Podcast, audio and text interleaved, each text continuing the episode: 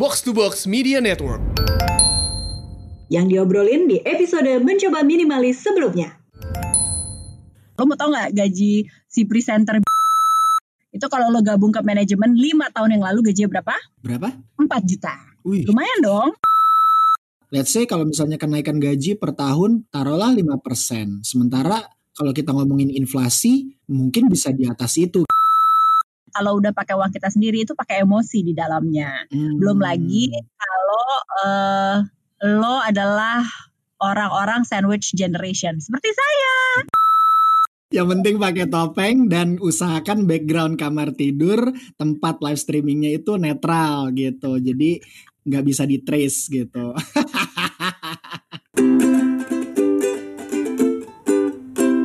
Mencoba minimalis.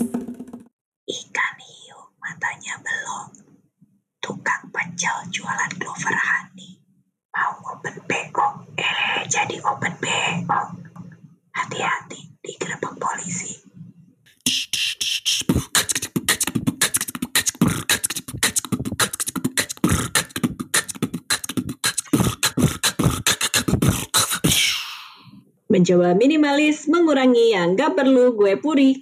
Gue waffle. Masih dalam episode direkam dari rumah masing-masing. yes, Makin yes, yes. parno kami berdua ya. Ah, Rano Parno. Kantor gue udah tiga men yang positif. Aduh. Ada ini semua kayak ngomongin side job yang menurut gue semakin hari semakin relevan saja. Karena itu tadi kalau kemarin di episode yang lalu mungkin ada yang belum dengar, kita banyak ngomongin soal pentingnya cuan dan sehat gitu ya. Dan yang lalu kita ngomongin why-nya. Nah sekarang gue maaf mau ngobrolin how-nya. Yes. Jadi di sini kita akan eh, lebih ke ngomporin teman-teman ya gitu dengan berbagai reference yang mudah-mudahan eh, minimal bisa eh, membuat teman-teman merasa bahwa oh it's possible ya for me to have side hustle. Gue pengen lebih detail lagi ya ngejembrengin bahwa Ah, betul betul. ada potensi yang bisa digali gitu Yes. dengan kita lagi masa sulit dan kita harus punya mindset ini semua akan kita lalui sampai tahun depan. Yap. Kalau kita mulai dengan how-nya, berarti lo harus punya dua aspek. Mm-mm. Lo harus tahu cara eksekusinya dari bikin plan dulu sampai akhirnya di dieksekusi. Yes. Sama yang kedua menurut gue mau nggak mau lo harus punya waktunya. Nah sering kali yang kedua itu tuh lebih menjadi penghalang untuk orang yang misalnya ya lo udah punya kerjaan utama. Mm-mm. Abis itu dalam kehidupan pribadi lo juga menjalani peran sebagai orang tua Yes. atau yang punya istri dua terserah deh lo ya kan atur aja gimana anaknya bang tapi tapi akhirnya jadi managing energy sama managing time itu menjadi sering kali gitu ya Mm-mm. eh, alasan dan juga tantangan tergede gitu ketimbang Yes. lo bikin plan sampai akhirnya lo eksekusi ya bisa dibilang kan setiap orang dari kita itu memang cuma punya jatah 24 jam sehari gitu ya kan. Nah tinggal kan sering ada yang bilang waktu itu sifatnya relatif ya kan. Kalau kita mengerjakan hal yang kita suka kayaknya waktu terasa cepat. Eh, sebaliknya ketika kita ngerjain sesuatu yang kita nggak suka itu kayaknya lama banget. Tapi sebetulnya balik lagi kalau why-nya udah kuat Hmm. apa pun yang dikerjain tidak peduli berapa banyak waktu yang dihabiskan untuk hal tersebut, ya minimal teman-teman ada target lah yang bisa di-achieve gitu. Karena kalau buat gue sendiri sih memang kita harus go for extra miles and no excuse. ya apalagi ketika lo punya cita-cita paling dekat ya emang gue harus punya side income gitu karena dengan apa yang gue dapat sekarang nggak cukup untuk jangka Yes. panjangnya gitu Ya. atau untuk yang lebih naik kelasnya ya dan gue selalu bilang ini adalah sebuah kemewahan Mm-mm. lo pengen membeli freedom lo Yes. pengen punya kemewahan untuk memilih kalau ternyata pekerjaan utama lo memberikan uang tapi tidak banyak memberikan lo kemerdekaan, maka lo harus merintis hal yang lain kan untuk membuka Yes. jalan ke sana gitu. Yap, Nah, yap. Eh, setelah lo bisa evaluasi ya energi dan waktu yang lo bisa investasikan di sini, pelajaran besarnya juga adalah start with problems not solutions, yang biasanya selalu dikatakan oleh eh, semua entrepreneur yang keren-keren gitu kan. Seringkali kita terlalu jatuh cinta pada ide, tapi ternyata nggak nggak ngasih solusi yang banyak gitu buat market. Yes. Ini gue setuju banget. Dari lo, side hustle lo yang akhirnya bisa menjawab itu apa aja? Kalau dari gue sih, terutama yang paling gue rasakan banget adalah uh, di dua bidang. Pertama di bidang pendidikan, kedua di bidang personal finance. Jadi di bidang pendidikan memang ternyata problemnya adalah banyak orang-orang yang masih memiliki uh, apa literasi soal potensi audiovisual itu uh, masih kurang gitu. Jadi terutama para urban parents ya gitu, mereka belum tahu bahwa oh ternyata dari YouTube itu seseorang bisa jadi kreator ya oh ternyata uh, anak kita itu uh, kalau misalnya memang suka main Minecraft atau Roblox itu berarti dia punya potensi untuk diikutin ke kelas coding for kids gitu gitu. Jadi gue merasa di bidang pendidikan itu masih banyak uh, literasi-literasi uh, yang uh, orang banyak masih kurang gitu. Dan di situlah gue merasa gue bisa membagikan literasi tersebut ke mereka kalau di bidang personal finance kayak yang gue share di uh, episode sebelumnya gitu bahwa banyak orang-orang yang masih memiliki kesulitan dengan perencanaan keuangan pribadinya gitu. Jadi dari dua problem itu ya dari gue sih alhamdulillah itu bisa gue convert akhirnya menjadi side hustle baik itu sebagai kreatif konsultan atau sebagai financial planner. Jadi ada kemiripan antara gue sama Avo ya. Jadi kita berdua itu menjual jasa yes. ketimbang menjual produk dalam bentuk barang gitu kan. Ini di episode sebelumnya juga kita udah bagi dua seperti itu. Sekarang dipilih hmm. aja mana yang lebih cocok buat uh, personality lo. Yeah. Kira-kira lebih berbakat uh, jualan barang, kasih hmm. solusi dalam bentuk barang, apa jasa. Ini contekan ya, uh, hmm. private tutor itu ini harganya sangat-sangat beragam. Uh, dulu ada masanya gue ngajarin bahasa Inggris CEO CEO itu ya. Hmm. Jadi itu easy money banget kalau lo menyukai uh, pendidikan, misalnya bikin silabus dan habis itu lo menyampaikan itu kepada audiensnya, mau itu privat atau enggak atau yes. dalam kelas kecil gitu ya.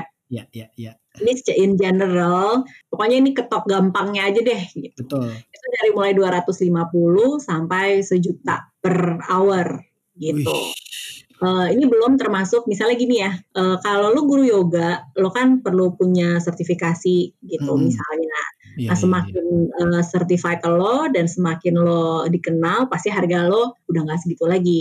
Jadi yes. gue cuma mau bilang ini adalah harga yang pembuka banget kali ya, gitu. Uh -uh. Tapi kan berarti ada jasa, ada pengetahuan aja lo 50% di atas audiens lo, menurut gue lo udah bisa jualan.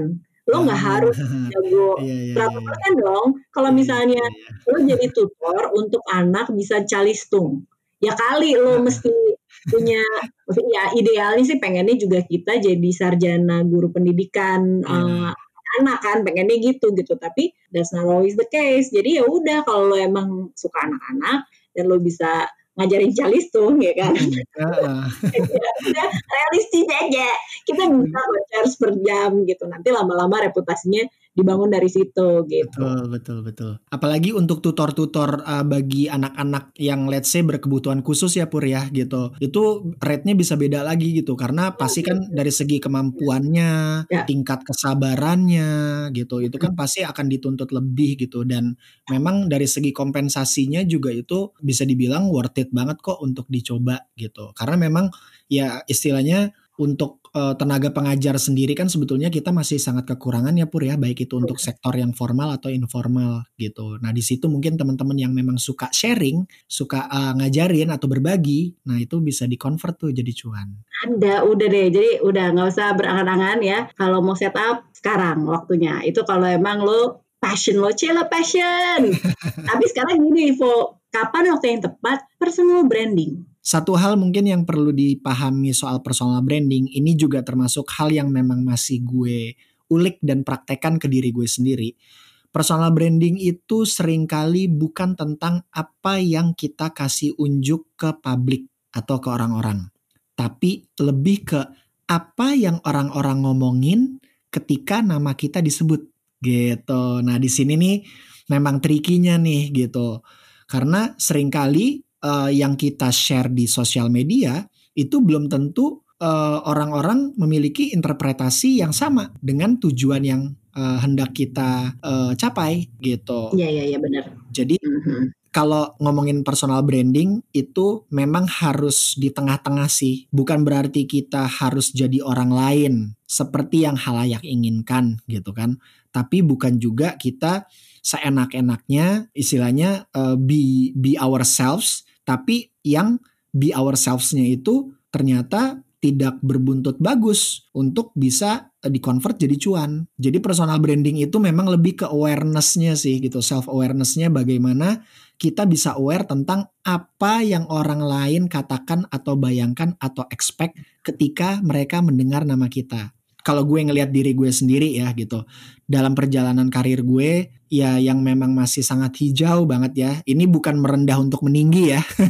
Tapi memang gue merasa gue masih harus belajar banyak hal. Itu aja alhamdulillah uh, di beberapa kesempatan sampai ada yang nyeletuk gitu atau ada yang bilang kalau AVO tuh Wikipedia berjalan gitu. Dalam arti lo kalau butuh referensi kreatif atau lo butuh think tank partner atau lo butuh saran-saran atau wejangan yang edan-edan coba tanyain AVO deh. Kayaknya dia ini tahu itu tahu gitu. Itu kan bukan gue yang bukan gue yang manage itu ternyata adalah uh, testimonial dari orang-orang yang memang pernah berinteraksi atau kerja bareng sama gue. Padahal kalau lo lihat dari akun sosial media gue, itu juga nggak semuanya kok postingan gue itu yang sifatnya informatif atau inspiring gitu. Yang sampah juga banyak gitu.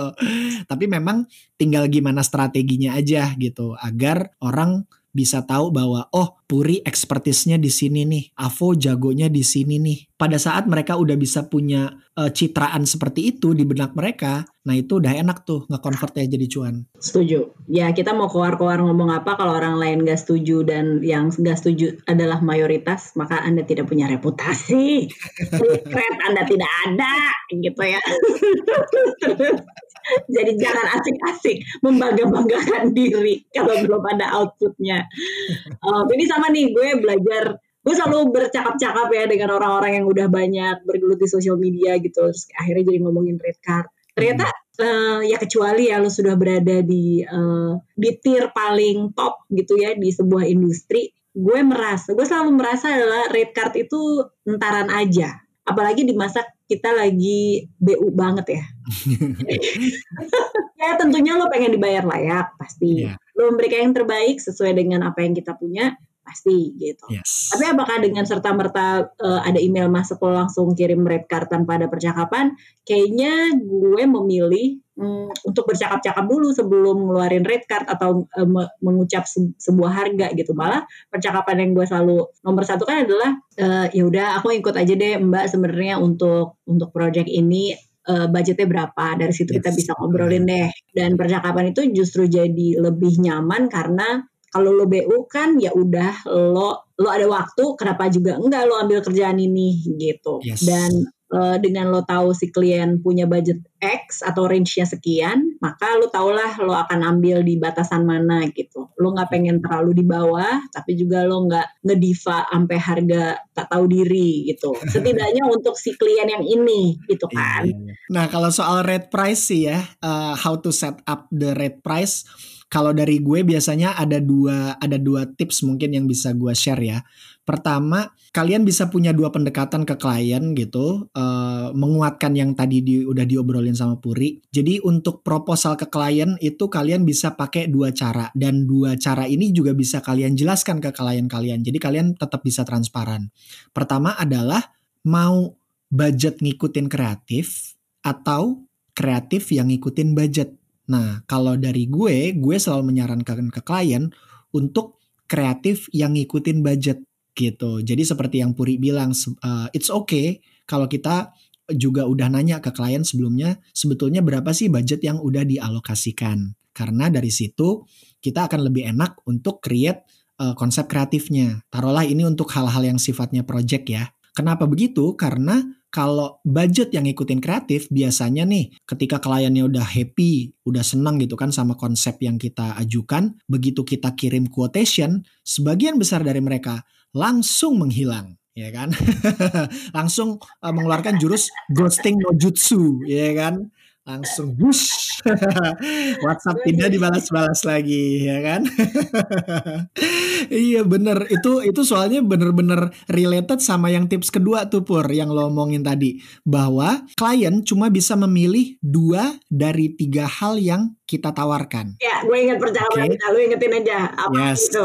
Betul. Ini prinsip yang kalian bisa terapkan untuk klien ya gitu. Kalau klien ingin bagus dan cepat itu tidak murah. Kalau klien ingin bagus dan murah itu tidak akan cepat. Kalau klien ingin murah dan cepat itu tidak akan bagus. Nah, jadi klien harus milih dua dari tiga. Apakah mau bagus, murah, atau cepat? Gitu. Tapi pengen semua aja bang. Aku mau tiga-tiganya.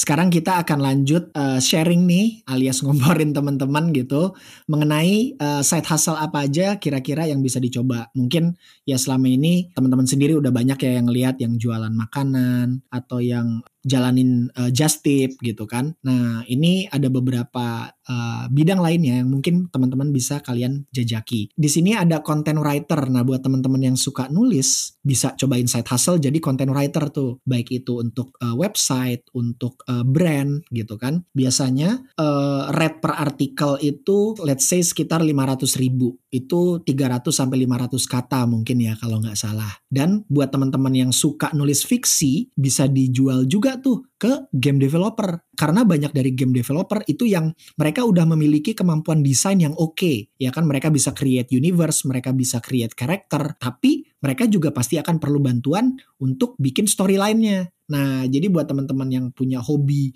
bikin cerita fiksi, mending jual naskahnya ke game developer. Itu cuannya bisa panjang tuh. Terus ada pembuat presentasi. Nah, ini gue dapat infonya dari Puri nih ya, Puri ya. Jadi Uh, uh. Jadi buat teman-teman yang hobi ngulik PowerPoint, ngulik Canva gitu kan atau ngulik uh, Prezi ya, uh, bisa tuh jadi side hustle tuh karena di sini rate untuk bikin satu presentasi itu bisa nyampe 2 jutaan. Betul sekali. Dan itu harga itu harga tiga tahunan yang lalu loh. Itu rate kayak kalau lo terafiliasi dengan petinggi-petinggi atau CEO yang PA-nya udah nggak bisa handle bikin deck, lo akan dikontak bikinin deck tuh buat si CEO satu deck 2 juta harga tiga tahun yang lalu. Berarti ya hitung aja inflasi 15% lah gitu ya. Naikin tuh harganya kalau di suruh bikin quotation naikin jangan 2 juta. Itu harga lama.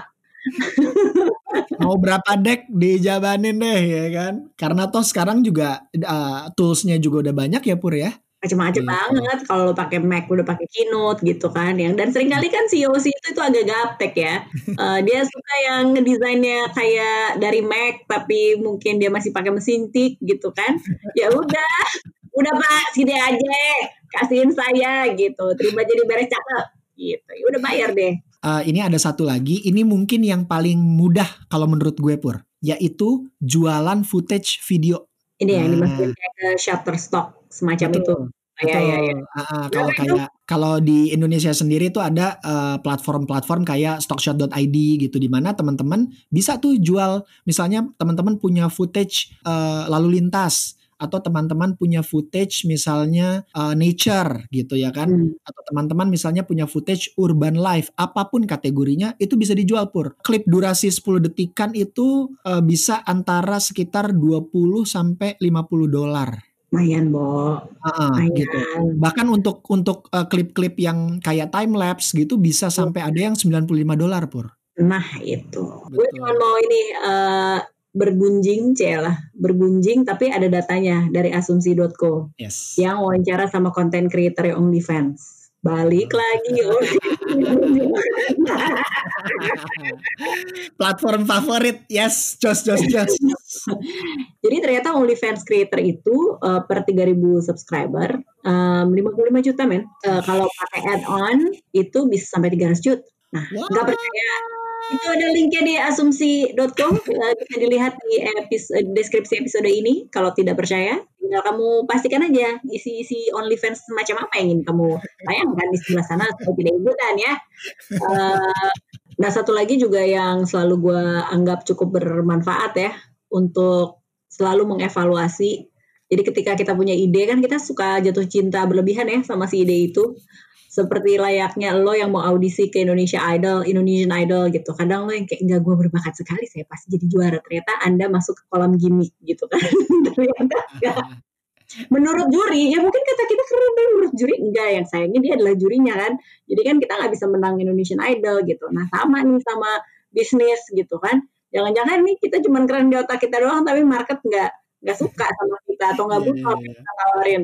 Nah, ini ada cara apa ya? Cara refleksi yang paling genah yang lumayan oke lah dan sumbernya bisa dicari di Google. Di googling aja business model canvas. Jadi ini kalau lo bayangin kayak buka buku gambar yang gede gitu, si satu halaman itu dibagi ke 1 2 3 4 5 6 7 8 9 kolom.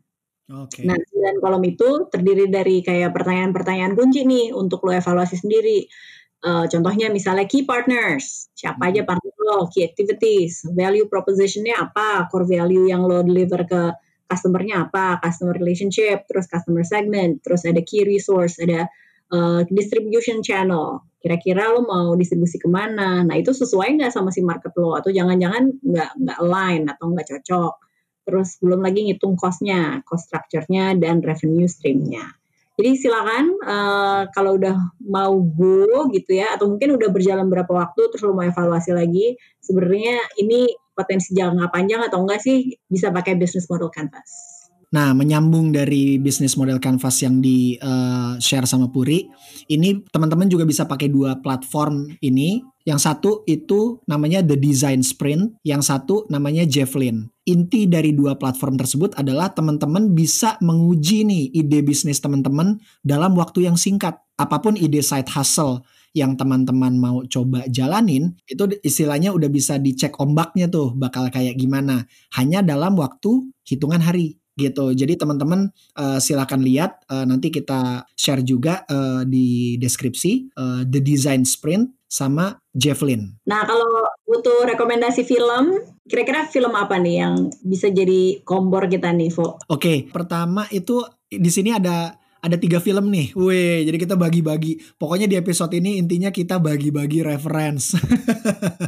Untuk film sendiri itu pertama ada film yang judulnya Joy. Itu Jennifer Lawrence yang main, direkturnya itu si David O. Russell, uh, di mana Joy ini yang menceritakan bagaimana karakter Joy ini struggle lah gitu dengan bisnis yang mau coba dia bangun. Terus ada juga film The Founder, ini bercerita tentang uh, Ray Kroc dan uh, bagaimana dia membangun sebuah uh, waralaba cia gitu atau franchise yang namanya McDonald's. Itu pelajaran besarnya justru ada bukan pada Ray Kroc-nya, tapi pada orang yang ngeset kedai hamburger yang dibeli license-nya oleh McDonald dan akhirnya mereka bangkrut. Jo. Yes. Nah, jadi itu ntar kalau mau naik kelas di pelajaran franchise gitu ya. Benar, benar, itu benar. film atau ceritanya Ray Kroc itu jadi pelajaran banget. Ternyata lu jadi founder, nggak selamanya lu kaya, lu juga bisa bangkrut.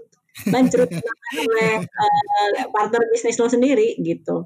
Yes. Um, dan kalau ngomongin partnership dan segala dramanya, nggak ada yang bisa ngalahin The Social Network dong. ya kan? Yes. Wuh. Sebagai Vincerian, wih gitu sebagai Vincerian. di sini kalian bisa belajar banyak banget sih di mana terkadang ide bisnis atau ide side hustle itu sering kali bukan soal side hustle-nya itu sendiri pur. Yap. Gitu. Yap. Karena karena di sini gue maksudnya di film ini sendiri gue melihat bahwa ternyata wow dari jealousy aja itu bisa jadi sebuah uh, entity ya. terjadi dan jealousy yang mematahkan partnership juga banyak. Wah asli. Gitu. Udah deh, pokoknya nonton aja lah kalau butuh kompor dan uh, ini ya semacam pelajaran wisdom gitu kan, Yes. pelajaran bijaksana gitu kan, ngejalanin side hustle sampai jadi gede. Ya, selamat menikmati uh, tiga film yang udah diomongin. Yes. Mungkin lo ada quote penutup nih, Vo?